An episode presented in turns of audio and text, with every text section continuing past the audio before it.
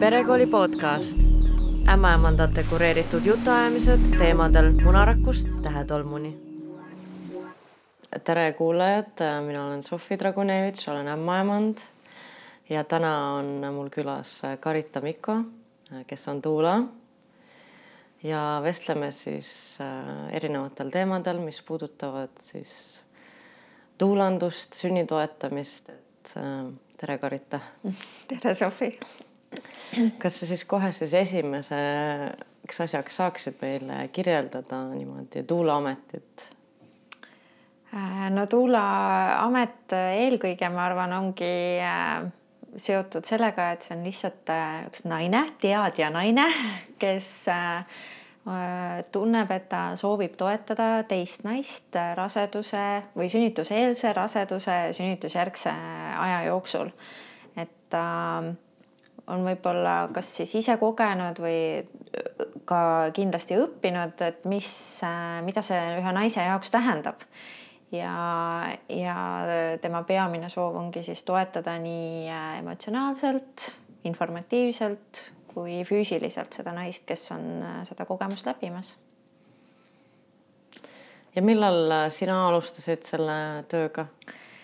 Äh, selle tööga alustasin ma peale oma teise lapse sündi kahe tuhande kuuendal aastal Äh, ja aga see kõik oli selline väga mitteteadlik selles mõttes, et kui ma alustasin, siis ma ei saanud tegelikult aru, et ma seda tööd juba teen, et ma alustasin ikkagi selle mõttega, et ma lihtsalt olen nõustaja.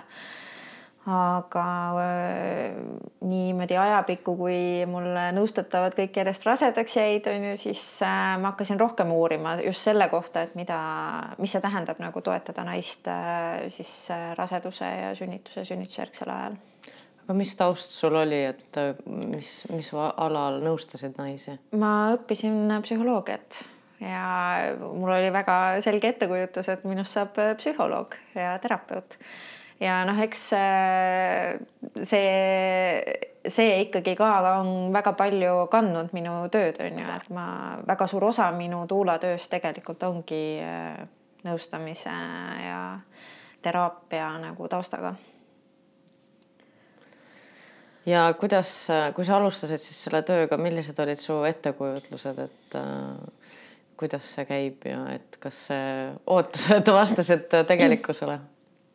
Mul ei olnud tegelikult mitte mingeid ootusi ega ettekujutust sellest, sest äh, äh, noh, kuna ma olingi mõelnud, on ju, et minust saab nagu psühholoog, siis ma, mul oli pigem nagu ettekujutused selles vallas on ju, et okei okay,, et äh, et ma lähen kuhugile, ma ei tea, kliinikusse ja siis teen, on ju, psühholoogi tööd või siis isegi ma mõtlesin äh, alguses, et ma lähen äkki koolipsühholoogiks üldse, et noh, see, see nagu suund, et ma tegelen äh, laste teemadega ja noh, pigem peredega, et see on nagu algusest peale olnud aga, aga siis, äh, kui ma, kui mind hakati kutsuma sünnitustele Mm, siis äh, pigem ma olin nagu selline uudishimulik äh, praktikant on ju ma lihtsalt nagu äh, võtsin vastu selle, mis mulle pakuti ja läksin seda teed. ja noh, siis, kui ma juba hakkasin päriselt õppima seda sünnitoetust ja kõike, mis puudutab sünnitust siis äh, mind on alati nagu kandnud pigem lihtsalt niisugune uudishimu, et ma ei ole mõelnud, et kuhu ma nüüd välja jõuan sellega või mida ma kõike tegema hakkan. Et pigem äh, need on nagu ajapikku lihtsalt tulnud mingisugused visioonid on ju, et, äh, et noh, nii tore oleks, kui palju naisi saaks sellist toetust, terviklikku toetust, et ja et nii tore, kui äh, ühiskonnas leviks nagu arusaamine sellest, et sünnitus võib olla pehme, kerge, toetatud, et see võib kõik olla nagu imeline ja rõõmus aeg on ju, et see ei pea olema nagu asi, mis tuleb kuidagi ära kannatada, on ju. Et need ootused on pigem nagu olnud lihtsalt siuksed ujuvad. ja kuidas sa õppisid või mis sa õppisid? et ma alustasin äh, oma teekonda Pinni Dancepi juures, kus ma õppisin algallika protsessi ja hingamistööd. ja seal, kuna see põhineb nagu uskumusele, et sünnil on väga suur mõju meie kogu meie elule, siis sealt eh, nagu kasvasid välja ka mitmed teised sünnitoetajad, kes, kes siis läbi selle hingamistöö tegelikult toetasid sünnitust ja mina ka äh, alguses ikkagi väga palju tuginesin äh, nagu nendele teadmistele.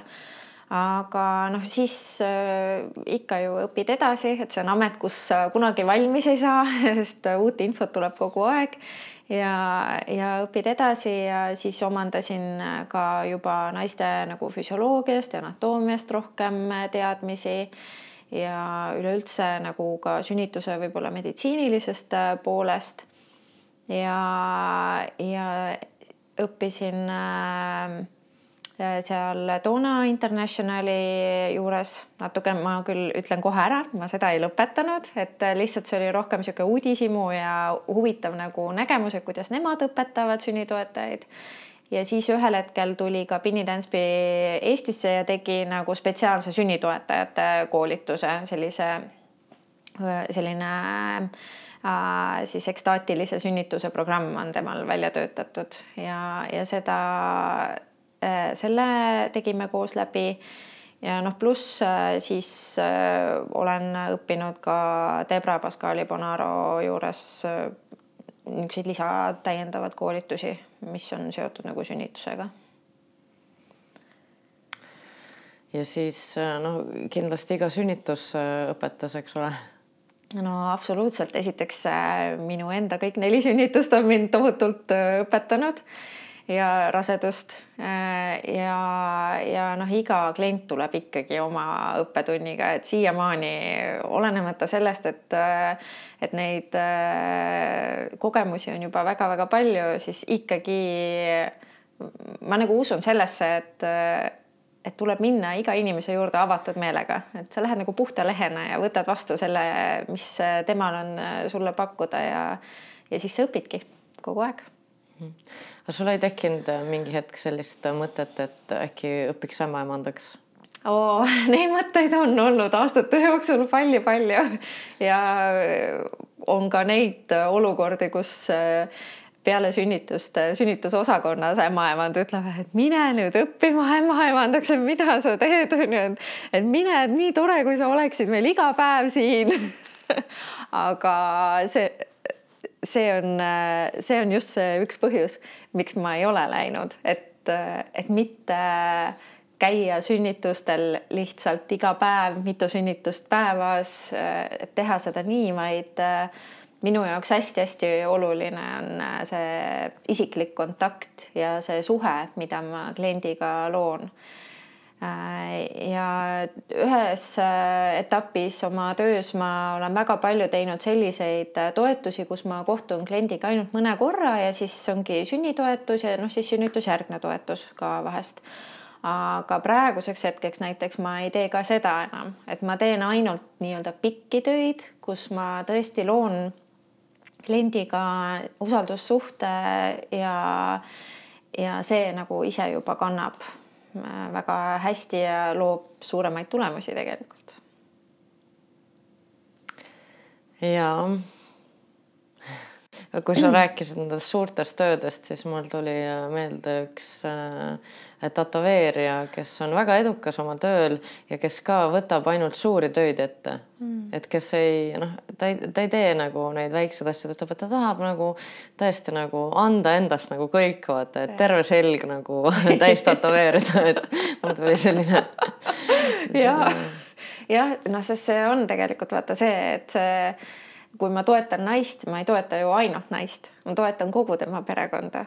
Ja, ja noh, nende lühikeste töödega on äh, nagu see asi, et ma saangi toetada seda ühte sünnikogemust sellel hetkel, aga kui ma toetan nagu pikaajaliselt, siis tegelikult sellest saab mõjutatud kõik, on ju, kogu see pere ja mees ja teised lapsed, on ju, ja sugulased, et et see haarab nagu endasse nii palju rohkem, et minu jaoks see Tuula töö tegelikult ongi liikunud nagu sinna kohta, et ma, ma ei keskendu ju ainult sünnitoetusele, et ma keskendun kogu selle naise loole tegelikult ja kui seal loos on nagu mingeid kohti, mis noh, mis võib-olla üldse ei puuduta seda sünnitust, aga puudutab mingit muud nagu kohta, kus tal on abi ja toetust vaja, siis me tegeleme sellega. lühikeste kohtumistega me ei saa seda teha mm. -hmm nojah, et tegelikult see raseduse jälgimine nagu ämmaemanda poolt on ka, eks ole, pikem protsess mm -hmm. ja mhm. et rase käib kogu aeg ühe ämmaemanda juures. aga noh, et meil Eestis on üldiselt nii organiseeritud, et sünnitusele ikkagi satub sul keegi teine mm. -hmm et noh, vahel naised võtavad küll endale individuaalse ämmaemanda on ju, aga noh, ikkagi, et selline organisatoorne pool on meil teistsugune. ja ongi ja noh, tegelikult äh, päris paljud äh, minu äh, kliendid ka, kui ma nagu informeerin neid, et tead, et, et see ämmaemand, kelle juures sa arvel oled, et tema ei tule sulle sünnitusele, siis see on nagu vahest sihuke šokk või üllatus, et mis mõttes, et keegi võõras siis tuleb, et, et noh, tegelikult ka kõik need uuringud, mis on seotud noh, nende heade sünnitustulemustega nii-öelda on ju, et kuidas naine võimalikult rahule jääks. et seal ikkagi on välja toodud seda, et see järjepidev toetus on see, mis vähendab kõikide nende ähm, kõrvalekallete nagu riski. jah, et täitsa võimalik, et, et nii on jah -hmm. aga ma tean isegi seda, ma olen kuulnud, et tõesti, et see, kes rasedust jälgib, et tema ei tulegi sünnitusele et mõned küll on sellised, kes on siin ja seal mm. -hmm. aga kuidas siis sinu pere siis reageeris sinu elukutse valikule, et oled nüüd öösel ära ja päeval ära ja ei maga, magad päeval? jaa no kui mina alustasin selle tööga, siis see oli ju noh, täielik uhhuu et äh, keegi ei saanud aru, mida ma nüüd teen. Et, et ma ei ole ämmaemand, ma, ma ei, ma ei tee ühtegi meditsiinilist asja, et äh, miks ma pean käima kuskil sünnitustel, et mis mõttes. ja ja ega noh, minu enda jaokski oli see selline, et no okei okay,, et ma lihtsalt lähen seda teed, et tundub, et seda on nagu vaja teha ja naised kutsusid mind sünnitusele ja, ja see väga-väga kõnetas mind. et ega ma ei osanud seda ka nii hästi kindlasti kuidagi serveerida, on ju, et mis see nüüd kõik täpselt on, et ma lihtsalt läksin seda teed ja, ja neid kommentaare, et äh, kuule, äkki sa ikka otsid endale päris töö et neid oli alguses ikka väga palju. et mis, mis töö see nagu on päriselt, et, et ole nüüd mõistlik ja tee ikka kaheksast viieni tööd ja midagi sellist. ja ma ma olen selle peale mõelnud, kõikide nende aastate jooksul äh, olen ma olnud ka nendes kohtades, kus ma päriselt mõtlen, et ei, ma pean ikka minema mingile normaalsele tööle. Et, et, äh, et ollagi äh, ka hästi funktsioneeriv pereema. Et mitte magada päeval ja mitte olla väsinud päeval ja. Aga kõikidest nendest püüdlustest ikkagi äh, need on nii-öelda liiva jooksnud, sest äh, lihtsalt ähm, ma ei ole suutnud nagu lõpetada seda sünnitoetust või siis naiste toetamist samal ajal, nii et see on kõik kulmineerunud veel hullemaks. aga praegusel hetkel võin ma öelda, et minu pere on minu suurim toetaja ja ka suurim fänn et äh, vahest, kui ma kuulan oma meest rääkimas sellest, äh, mida mina teen kellelegi tuttavale, siis äh, see on, see on lausa piinlik. See on lausa piinlik, kui suur fänn ta on. No heas mõttes piinlik. heas mõttes ja, aga, aga see, see on lihtsalt äh, tore ja, ja noh, tõesti, ma tunnen ennast väga-väga toetatuna oma pere poolt. Ja, ja noh, ma näen nagu ka seda, et äh, et nii-öelda see noh, kõik on kuidagi paika loksunud selles mõttes, et see on lihtsalt see, mida ma teen. ja nii on. ja kui sina alustasid, siis palju veel äh, selliseid sinusuguseid äh, heas mõttes hulle oli? ma kindlasti ei oska öelda täpset numbrit, aga no ma arvan, et kuskil kümne ringis äkki ja palju nüüdseks on tuulasid Eestis? Ka ei ole ma numbrites mingi väga hea, on ju, et aga, aga no ligi, ligi sada, ma arvan. Vau, päris palju. ja, aga noh, kõik ei ole aktiivsed, et äh, väga paljud on lõpetanud ja noh, nii nagu ämmaemandatelgi mõned õpivad ja võib-olla ei hakka kunagi seda tööd tegema, on ju et võib-olla pigem noh, ongi palju neid ka, kes on õppinud tuulandust tegelikult lihtsalt iseenda jaoks ja noh, võib-olla tütar hakkab sünnitama ja sa saad olla suurepärane toetaja talle või mõni sõbranna on ju, tuttav sünnitab ja ja sa saadki teda niimoodi toetada, et sa ei pea noh, ütlema, et nüüd nii-öelda palka mind kui tuulat on ju, vaid et lihtsalt sul on need teadmised ja oskused ja sa oledki juba hea toetaja on ju ja siis äh, kaks tuhat viisteist siis hakkas äh, tuulade õppekava. jaa et see noh, ega see mm, soov, et oleks selline õppekava, oli juba kindlasti varem. et kaks tuhat kümme oli see aasta, kui Pinni Tänspi käis äh, õpetamas sünnitoetajaid ja äh, sealt ka väga paljud hakkasid tööle. ja peale seda kuidagi äh, noh, mina tundsin hästi sügavat soovi selles osas, et äh, sünnitoetaja teaks natukene võib-olla laiema spektriga kogu seda sünnituse juurde kuuluvat, et oskaks ka ähm, äh, noh, naise anatoomiat ja füsioloogiat ja, ja teaks nagu kogu seda ka võib-olla natuke meditsiinilist poolt on ju, et mitte, et ta hakkab tegema ühtegi meditsiinilist asja, aga lihtsalt, et ta on tuttav, et ta saab aru, mida ämmaemand teeb teeb, mida arstid teevad, on ju, et ja miks nad neid asju teevad. ja et ta oskab seda kõike integreerida oma töösse. ja, ja siis noh, Ingrid Kaokülaga me nii-öelda plaani pidasime, et selline asi võiks äh, juhtuda ja kuidagi sealt see kõik voolama läks, et ühel hetkel äh, Kaia Kaire hunt äh, kutsus mind lõunale ja ütles, et noh, et ma loon selle ruumi ja vormi ja, või jah, et ruumi ja sina loo sisu ja, ja teeme ära. ja nii see sündis.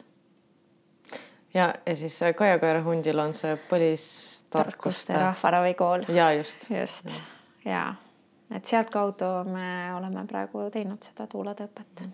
ja see kestab, eks ole, üks aasta, see kursus just, et tuuletööõpe kestab üks aasta üle, üle siis kahe nädala, nädalavahetus, selline päris intensiivne hommikust õhtuni. pikad äh, praktilised informatiivsed loengud. ja, ja noh, praktika osa on sealjuures ka päris, päris mahukas nagu. kuidas see praktika osa välja näeb? no seal ongi äh, siis äh, see, et et õpilane peab äh, kogema nii raseduse toetust kui sünnituse toetust kui sünnitusjärgset toetust ja leidma endale kliendid, kellega koos ta seda teed siis hakkab äh, astuma.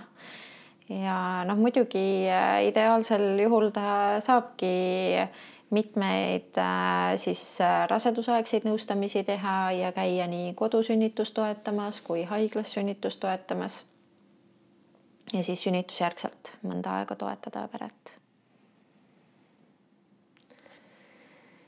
ja kas enamasti need, kes alustavad, lõpetavad või kuidas on? ja praegu äh, on meil tõesti äh, sajaprotsendiline lõpetamine, et äh, et jah, nagu ma ütlesin, et kõik ei hakka tööle, aga ikkagi kõik suudavad selle õppe nagu läbida ja kas sulle tundub, et tänu sellele õppele on ka kuidagi tuulandus arenenud või on muutunud rohkem kättesaadavaks või mis, mis, mis muutusi see on kaasa toonud?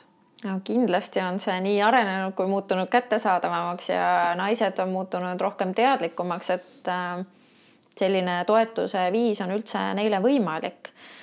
ja ähm, ja noh, me ise ju tegelikult nagu ka õpetajatena kõik, kes me seal õpetame, õpime kogu aeg, et iga kursus jälle tuleb oma õppetunniga, et et me tegeleme pidevalt selle õppekava arendamise ja parendamisega ja noh, nüüd viimased aastad on ka Eesti Ämmaemandate Ühing oma sõna sekka öelnud ja aidanud meil nagu seda kõike nii-öelda vormida aina paremaks no väga tore, see on ikkagi mm -hmm. koostöös peitub võti. absoluutselt, absoluutselt. Äh, ma tahtsin veel küsida selle õppekava kohta, et sa oled äh, iga kord sellega seotud. jaa et mina olengi see, kes selle õppekava sisuliselt nagu punkti paneb, et nii, nii see saab olema seekord. -hmm. et see on minu roll nagu otsustada, et mis sinna lõpuks siis sisse jääb. ja iga aasta saab minna õppima tuulaks? ei, üle aasta et äh, meie nagu mõte ongi see, et äh, et kui see üks grupp lõpetab, et siis me hakkame jälgima seda, kuidas nad tööle saavad ja kuidas neil läheb. Ja noh, kindlasti kutsume ka liituma on ju Eesti Sünnitoetajate Ühendusega, et olla nagu neile lähedal ja nii palju, kui siis võimalusi on, et aidata mm. -hmm. aga sul ei tundu, et vahepeal võib tekkida liiga palju tuulasid mm? -hmm. ja ma olen ka mõelnud selle peale ja tegelikult peale viimast kursust ka oli mul selline tunne, et äkki nüüd mõneks ajaks äh, aitab, noh, kindlasti kogu see eriolukord Eestis äh, ka mõjutas seda mõtet päris tugevalt aga nüüd äh, praeguseks olen ma jõudnud oma mõtetega nii kaugele, et tegelikult ega äh, väga paljud naised, kes tulevad õppima äh,, lihtsalt tunnevad endas hästi sügavat soovi naisi toetada ja, ja tahavad lihtsalt täpsemalt ja rohkem teada, et kuidas äh,, kuidas seda teha ja mis selle jaoks iseendas nagu vajalik on, et, et üldse sellist asja teha. ja, ja siis ma olen mõelnud, et aga, et noh, las nad siis õpivad, et las nad siis õpivad ja ja samal ajal on see mitmekesisus, et kui on nagu palju tuulasid, ikka iga inimene on individuaalne oma, oma sellise mingisuguse liikumise viisiga ja oma töö iseloomuga lõpuks, et et ma arvan, et lihtsalt seeläbi saavad väga paljud erinevad naised nagu seda toetust aga kas sa saaksid mingeid näiteid tuua, et kuidas see tuulatoetus näeb välja niimoodi läbi selle raseduse, sünnituse, no mingeid väikseid näiteid ja sünnitusjärgse perioodi? Äh, noh, sellest ma võiksin rääkida terve päev. ma, ma, ma mõistan, sellest ka see aastane õppekava räägib, eks ole. just, et ähm, no kuidas minu töö välja näeb, on niimoodi, et äh, tavaliselt äh, võtab naine minuga ühendust, kui on esimene trimester läbi näiteks, no tavaliselt. mõned üksikud variandid on see, kus võtab päris alguses ühendust ja, ja siis ongi, et me kõigepealt me kohtume ja räägime üldse, et mis toetust ta arvab, et ta vajab. et ja kus ta üldse jõudis selleni, et ta seda toetust vajab ja, ja mis ta nagu ootused ja soovid on et äh, see on väga individuaalne toetus, on ju, et siin ei ole nagu seda, et üks asi sobib kõigile. ja, ja mina siis äh, läbi selle, mida klient vajab, äh, hakkan mõtlema, et mida ma siis saan pakkuda päriselt. ja, ja teen nii-öelda oma pakkumise või omapoolse sellise visiooni, et, et mismoodi ma saan perele toeks olla ja niimoodi siis kujunebki välja see, et kas, kui palju me kohtume, kui tihti me kohtume, mis teemadel me räägime ja, ja siis läbi raseduse toimuvadki need kohtumised, on ju, ja, ja siis, kui pere nagu tahab sellist suurt äh, toetust, on ju, mis mulle väga meeldib, et ähm, me kohtumegi raseduse ajal ja siis on sünnitoetus ja sünnitusjärgne toetus. et siis, äh, siis nii ongi, et äh, minu tööks on siis äh, Äh, valmistada äh, pere ette sünnituseks ja aidata võib-olla ka aru saada mingitest asjadest, mis raseduse ajal toimuvad, mis muudatused või muutused naises toimuvad ja, ja kohaneda nendega. Äh, vahest ka tõlkida seda, mida ämmaemand on rääkinud või miks ta on öelnud mingeid asju või miks ta tahab teha mingeid teste, et siis aidata nendest asjadest aru saada. ja ja siis äh, on äh, sünnitoetus, mis tähendab sisuliselt seda, et sa oled äh, igal hetkel valmis minema sünnitusele, et su telefon on alati hääle peal. padja all. jah, padja all pigem kõvema hääle peal kui, kui vaikne. ja, ja siis, kui see kõne tuleb, siis, ähm, siis sa lähed ükskõik, mis kell on ja ükskõik, mis sa parajasti teed ja ja oledki seal selle pere juures äh, läbi selle sünnituse kogemuse ja noh, enamasti on see siis niimoodi, et sa oled pere juures on ju enne, kui on siis näiteks haiglasse minek või kodusünnituse puhul enne, kui ämmaemand jõuab. et üldiselt tuula kutsutakse nagu parem. ja, ja siis peale sünnitust aitad, on ju seal imetamise teemadel ja kohanemise teemadel, sünnitusest taastumise teemadel, lapse eest hoolitsemise teemad, et kõik selline. ja noh, need kohtumised ka varieeruvad, kui palju neid on. aga ma tahtsin küsida, et kas sul on olnud ka selliseid kohtumisi inimestega, et sa mõtled, et et võib-olla nad ei olegi sinu inimesed, et äkki sa võiksid neid edasi soovitada kellelegi teisele toredale sünnitoetajale? Jaa, absoluutselt, muidugi on, et äh, tuuletöö võib-olla üks äh, see ilu ongi see on ju, et sa saad valida endale kliente. Äh,. aga sellega on selline huvitav äh, asi ka, et äh, isegi kui mul see mõte tuleb, et okei okay,, et äh, et see töö võib-olla ei ole kõige lihtsam, et äh, lihtsam oleks edasi suunata kuhugile, siis tegelikult need on ju kõige suuremad õppimise kohad, et et äh, need on need kliendid, kes kõige rohkem õpetavad tegelikult ja, ja siis ongi minu valik, kas ma tahan õppida või ei mm. -hmm. ikkagi sa ei toonud mulle ühtegi näidet, mis sa seal raseduse ajal teed ah, raseduse ajal, mis ma teen või? ma olen ise, mina olen ühte asja kuulnud, mis sa Karita läksid sinult suureks no see oli nii armas, mul ühed äh, sõbrad äh, ka siis äh, olid sinu toetatud okay.. ühed, kindlasti on neid mitmeid, aga mul see üks konkreetne paar on silme ees ja siis nad ütlesid ja, ja tead, Karita lasi meil sellist asja teha, et äh, siis see rase naine pidi olema hästi rahulik terve päev ja siis mees teenindas teda. et kuidas sa neile seda serveerid? See on tegelikult üks väga konkreetne ülesanne, mida ma annan enamasti kõikidele peredele ja see ongi voodipäev ja miks ma seda teen, on äh, või noh, kus see üldse teemaks tuleb, ongi siis, kui me hakkame juba liikuma sellest sünnituse teemadest sünnitusjärgsetesse teemadesse. ja kui ma räägin äh, sünnituses, sünnituse nagu äh, sünnitusest taastumise varajase staadiumi teemadest. ja noh, seal on kõik see jutt on ju, et naine peab saama rahu Äh, peab äh, saama piisavalt puhkust selle jaoks, et kõik funktsioonid toimiksid. ja kuidas ma mehele seda serveerin, on see, et äh, happy wife, happy life et, et see on tegelikult, ma arvan, üks väga suur teadmine, mida tasub üldse kõigil omaks võtta, et tegelikult, kui naine on õnnetu, siis kõik on õnnetud, kõik kannatavad selle tulemusena. Ja, ja selle jaoks, et see naine saaks õnnelik olla peale sünnitust, on ju nii oluline, et ta saaks rahulikult taastuda, koguda ennast, et kõik see imetamine saaks paika ja, ja et ta ei peaks muretsema selle pärast, et äh, kas äh, toad on korras, kas pesu on pestud, kas, kus, kas ja kust see söök tuleb, kas teised lapsed on toidetud või ei. ja, ja, ja siis jah, et, et seda kõike endas lubada, sest tihti on ju see, et isegi kui mees on valmis seda kõike andma, siis naisel on nagu keeruline seda vastu võtta.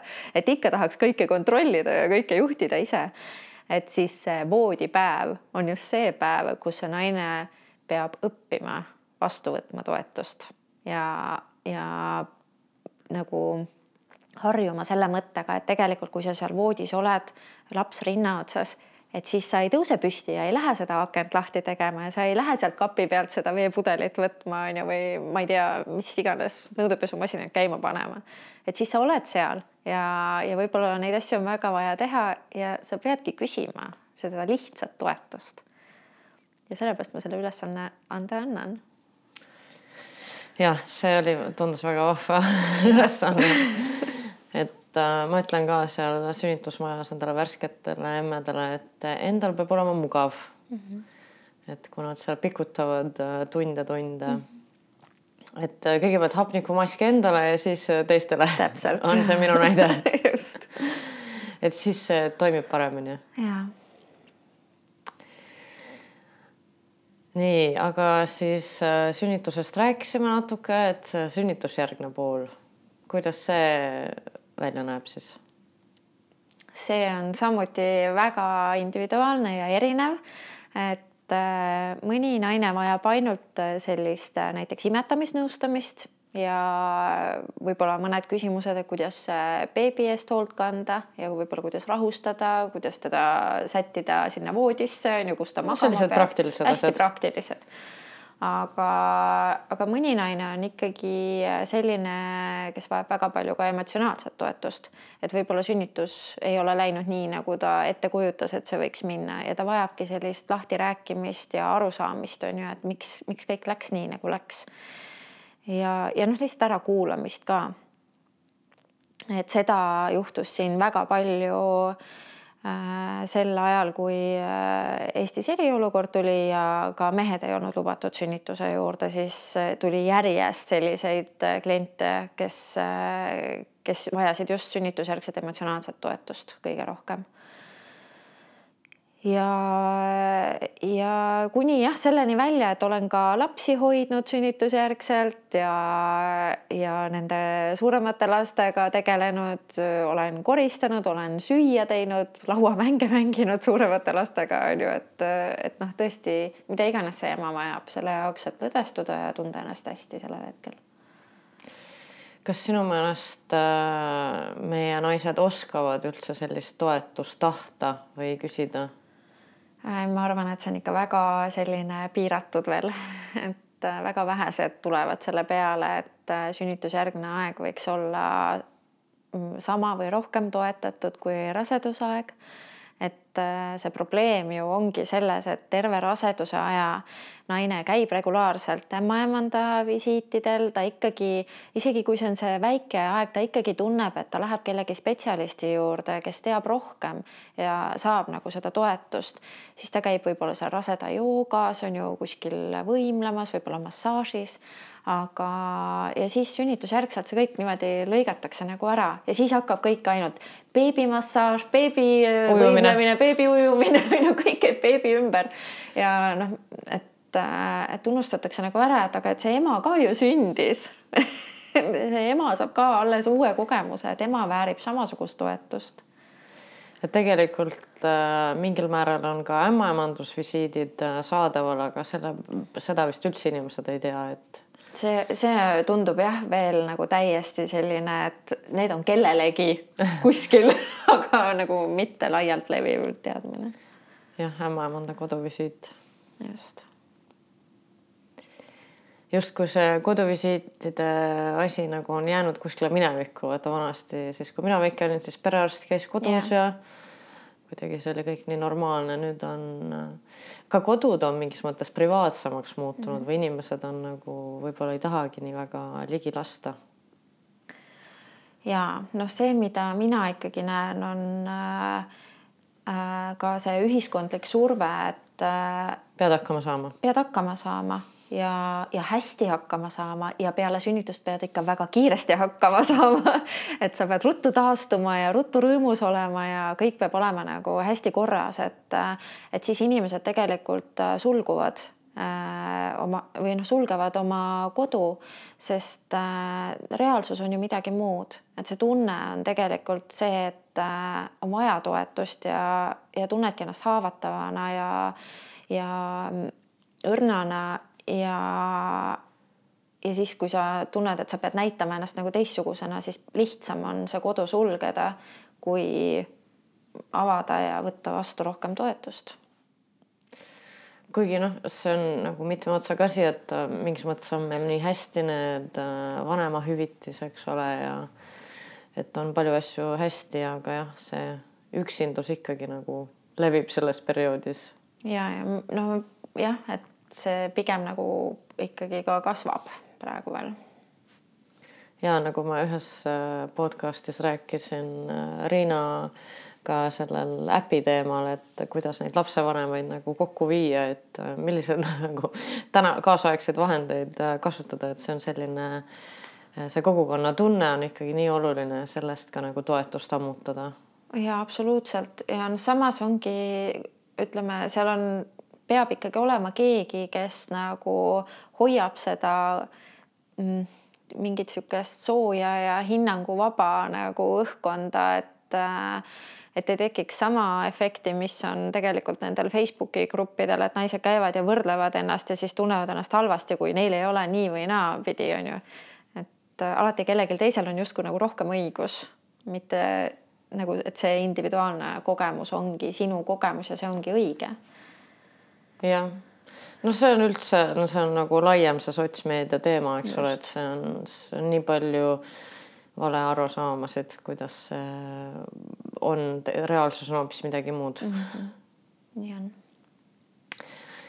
aga oleks sul mingit sellist paar nippi jagada Tuula tööriistakohvrist näiteks no sünnitusjärgseks perioodiks mm.? No seesama voodipäev juba kõlas siit läbi. See, see on, ma arvan, äh, võib-olla teadmine, mida võiks endaga võtta, et noh, minimaalselt kaks nädalat peaks äh, sättima äh, oma pereelu nii, et naine saab tõesti olla lihtsalt iseenda ja beebiga, kohaneda, kuulata oma keha, mida, mida on vaja ja tal on keegi, kes tõesti hoolitseb tema eest ja kõige muu praktilise eest, mis vajab hoolitsemist. et kui tal on nälg, siis talle tuuakse see toit ja kui tal on jänu, siis talle tuuakse, täidetakse see pudel ja antakse kätte, et, et see ei ole tegelikult midagi nii müstilist, see on läbi ajaloo ju niimoodi olnud et naised saavad peale sünnitust rahulikult puhata ja, ja koguda ennast lihtsalt äh, nüüd on nii-öelda mees selles rollis, et vanasti olid nii-öelda külatargad ja vanemad ja vanavanemad, kes seda tegid. ja no aga siis ei käinud ka mees sünnitusel. et just. nüüd see ühiskond on nii palju muutunud, et. jah, eks igal äh, asjal on oma head ja vead nii-öelda on ju, et läbi selle, et mehed käivad sünnitusel, on samas ka jällegi kasvanud nende pereelus osalemise nagu protsent et varasemalt oli ikkagi mees see, kes käib tööl ja teenib raha, on ju. et nüüd on nagu see muutunud. ja jah, et äh, hakkab lapsega tegelema siis, kui laps juba jalgpalli oskab ja, mängida. just, just, et, et õnneks see, see teadlikkus on küll kõvasti kasvanud. eks muidugi peresid on erinevaid ka ja inimeste vajadused on ka nii erinevad mm. -hmm nii, aga kas sa siis äh, jagaksid meiega mõne sellise südamliku loo oma tööst, kindlasti sul on neid palju, aga äkki on mingi tore lugu ähm,? väga keeruline küsimus. jah, nii keeruline sest äh, iga, iga pere ju äh, poeb hinge ja, ja jätab oma jälje aga ma arvan, et üks, üks selline hästi äh, tähtis lugu minu jaoks on äh, selline, kus äh, naine, kes aastaid, aastaid ei saanud rasedaks jääda, ei õnnestunud see kuidagi, käis minu juures tegemas sünnituseks ettevalmistavat programmi, mis on siis üks konkreetne programm, kümnest seansist koosneb ja tegi selle läbi, lihtsalt, lihtsalt tegi läbi kui teraapia. kas ta tegi seda üksinda või partneriga? ta tegi seda üksinda ja, ja ta läbis selle programmi ja ma ei mäleta nüüd täpselt seda aega, aga ma arvan, et noh, see oli ikkagi paar kuud, kui ta siis jäi rasedaks peale seda. ja, ja siis äh, muidugi me kohtusime veel ka raseduse ajal ja siis juba partneriga ja peale seda siis äh, ka sünnitasime koos, mis kõik läks väga ilusti ja pehmelt. Ja sünnitusjärgselt siis äh, samamoodi olin ma nagu nende juures, et, et need tähtsad lood on, on just needsamad suured lood, on ju, suured toetused, et kus sa oled ühe perega pikalt ja nad on läbinud mingi kardinaalse muutuse oma teadlikkuses ja, ja see on avaldunud siis ka füüsilisel kujul, on ju, lapse sünnina. ja, ja noh, just see nagu, kui sa näed kõrvalt, kuidas see teadlikkus muutub, lihtsalt muutubki ühest seisundist täielikult teise, on ju et tekib see lubamine, et, et jah, see laps võib siia tulla ja et see kõik võib olla nagu kerge ja lihtne. jah, et äh, alati kahjuks ei ole kõik see kerge ja lihtne äh,. ma mõtlen just sünnituse puhul, et kuidas sul on olnud äh, seda aktsepteerida, kui sa oma töös nägid seda? ma oma töös ka klientidele räägin alati seda, et äh, mitte ühtegi garantiid ei ole, et me ei saa nagu sünnituseks ette valmistuda teadmisega, et see hakkab minema täpselt nii. et ma, minu ettevalmistus põhineb ikkagi pigem nagu selle meeleseisundi ettevalmistamisel, et, et just see, et sa lased kõik lahti, kõik ootused lased lahti ja et sa oled valmis aktsepteerima seda, mismoodi see sünnitus läheb, et sa teed omalt poolt niikuinii kõik, mis sa tead ja oskad aga, aga et sa oled ka valmis vastu võtma selle sünnituse kogemuse sellisena, nagu ta tuleb. ja, ja tegema sellega nagu rahu ja nägema selles seda ilu. et see, äh, see on see, mis tegelikult siis hoiab neid naisi läbi selle ka raske sünnituse kogemuse on ju, et kui nende meeleseisund on paigas nii-öelda. et mul ei ole olnud nagu probleeme selle aktsepteerimisega.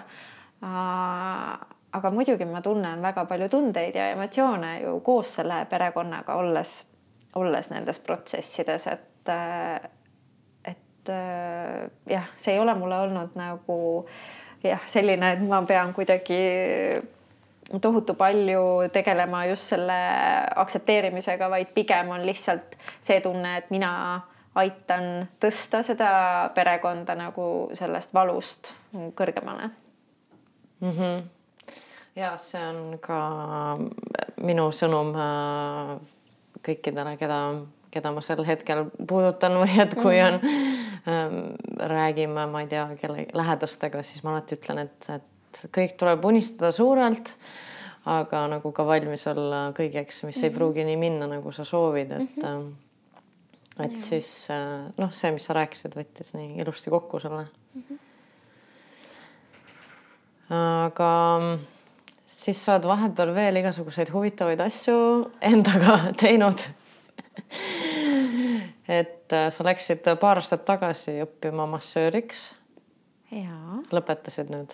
nüüd lõpetasin ja, et äh, noh, tegelikult sa töötad nii-öelda massöörina, kui sa oled tuula ju kogu aeg ämmaemandana ka, on ju. et sa ju ikka masseerid seda naist ja, ja teed neid asju, aga aga jah, see soov on minu sees olnud hästi-hästi kaua, et tegelikult äh, ma mäletan juba teismelisena, kui ma oma pereliikmeid on ju seal lihtsalt niisama umbes õlgu mudid on ju, et siis tegelikult mul oli nagu kaalumisel see, et äkki minna hoopis massööriks õppima aga nüüd, kui siis eriolukord tuli ja sünnitustele niimoodi nii palju enam ei saanud, siis äh, tekkis nagu see aken, et äh, ma saan minna õppima. ja, ja jah, see oli väga tore ja ma olen väga õnnelik, et ma selle nagu valiku tegin, sest mulle tõesti väga meeldib seda teha ja, ja noh, see on jälle see on ju, et ma loon mingit muutust ja see on hästi käegakatsutav nii-öelda muutus on ju, et. sõna otseses mõttes. ja just, et, et tõesti, et kui sa näed, et äh, lapseootel naine on ju tuleb ja on nagu tohutult paistes ja tal on nii raske ja kõik on nagu nii, nii suruv ja rõhuv, et kui ta sealt massaažilaualt niimoodi naksti püsti tõuseb, ütleb, et aa, mul on nii kerge olla on ju. et see on, see on nii äge. Ja kaks aastat õppisid, on ju kõiki neid massaažiliike. jaa, absoluutselt, et see oli väga intensiivne õpe tegelikult, et äh, iga kuu neljapäevast, ühe korra neljapäevast pühapäevani on ju hommikust õhtuni täispäevad, et äh, äh, ja noh, vahest isegi tihedamini kui korra kuus, et, et ja nii palju praktikatunde pidid ka tegema? jah, üle neljasaja tunni. jah, wow selles mõttes, et äh, muidugi ämmaemanda õppes äh, pidin veel rohkem praktikatunde tegema. et olid tuhandetes tunnid. Ja, ja et äh, aga noh, ma ka tuulatöös olen äh,, alati räägin oma õpilastele ka seda, et ega sa õpid lõpuks ju tööd tehes. Et, et need on lihtsalt need teadmised, mis sa siin omandad, on ju, aga et päriselt see õppimine hakkab ikka siis, kui sa inimesega tööd teed, on ju jaa, kindlasti ja sul on nagu rohkem seda ressurssi, et tähele panna. just. ja siis praegu teedki rasedatele massaaži? ma teen rasedatele massaaži äh,, sünnitusjärgset massaaži ja siis beebide massaaži. tavainimestele ei tee? no on mul ikka tavainimestele ei, mul on ikka osad, osad, kes siis on nii-öelda tavainimesed no ma mõtlesin niimoodi naljaga, et ja. Et äh, rasedad ja sünnitusjärgsed on nagu selline eriline staatus mm -hmm. on ju, et mis on ajutine, aga ja. siis pärast ju. ikka, ikka teen ja tegelikult mul on äh, paar sellist peret, kes äh, võtavadki niimoodi, et et naine, mees ja lapsed ka saavad massaaži, et see on niisugune terve päev tööd mm. -hmm. aga kas sulle ei tundu, et meestel on raskem teha massaaži kui naistele? um,?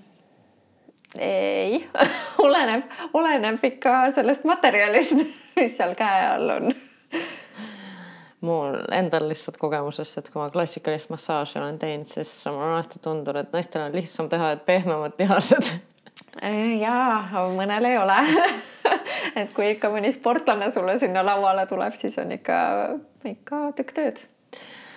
spordist rääkides tegid, tegid ühe hullu asja läbi, et kas teed veel, käisid Ironmanil? käisin Ironmanil ja see oli meil või tähendab meil. Ma saan aru, see oli nagu sul ikkagi pereprojekt. Jah, see oli pereprojekt, et äh, noh, triatlonit me oleme koos mehega juba aastaid teinud. aga siis äh, peale viimast täispikka, mis mu mees läbis, ta pani ratta müüki ja ütles, et kõik tema rohkem ei tee, aitab ja, ja siis mina tundsin, et oota, mis mõttes, et minul on veel täispikk läbimata, et, et me ei saa niimoodi lihtsalt nagu lõpetada seda asja. oota, sa pead meile ütlema, mis see täispikk on, ma tean, et on sada kaheksakümmend kilomeetrit rattaga ja no kõigepealt on kolm koma kaheksa kilomeetrit ujumist, siis sada kaheksakümmend kilomeetrit ratast ja siis nelikümmend kaks kilomeetrit jooksu.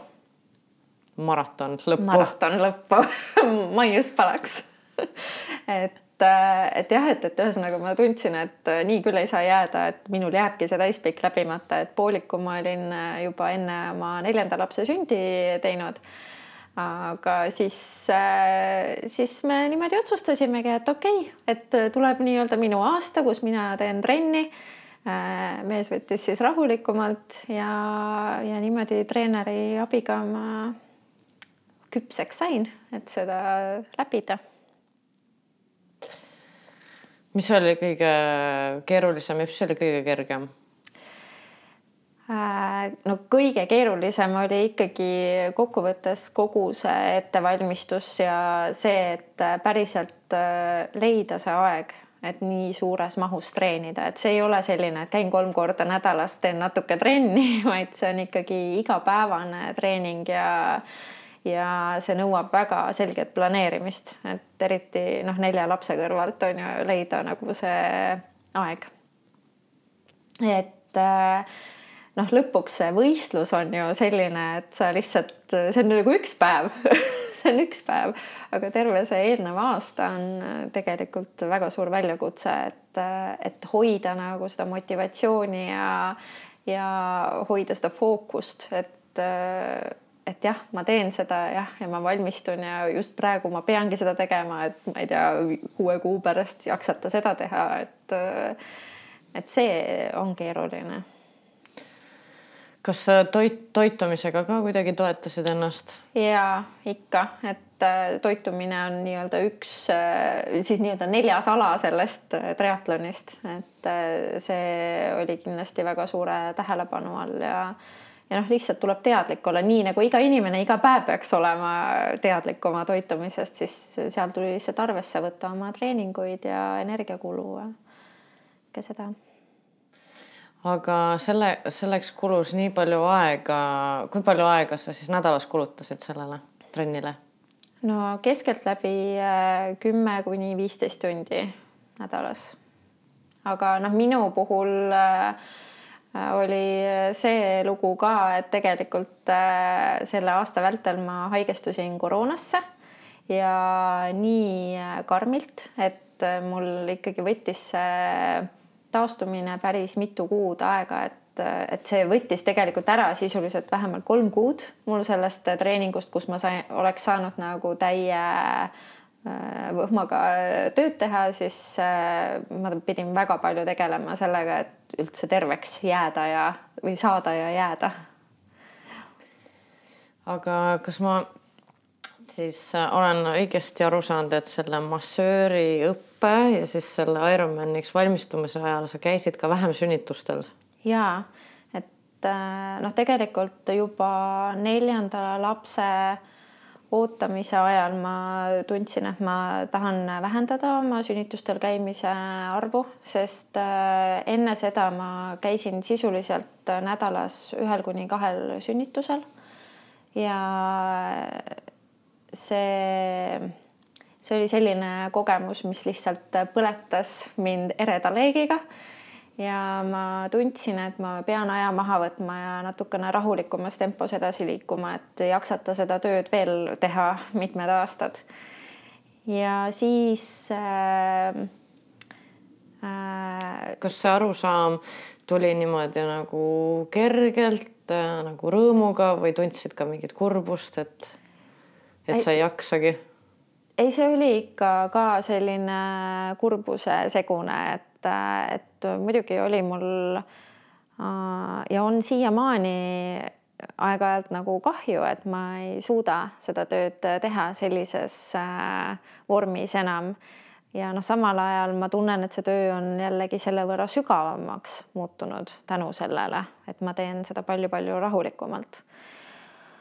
aga, ja noh, lein ikka käis läbi ja aga samas noh, nagu kaine mõistusega saad ju aru, et rasedana ei olegi väga hea käia öösiti ilmselgelt, sest äh, noh, seda kogemust ma ei tahtnud endale uuesti luua, et kui ma kolmandat last ootasin, siis ma käisin veel neli päeva enne oma sünnitust, käisin sünnitust toetamas. ma vist isegi kuskilt olen midagi selle kohta kuulnud, aga noh, see on ikka vägev, see on ikka tase. see, see oli väga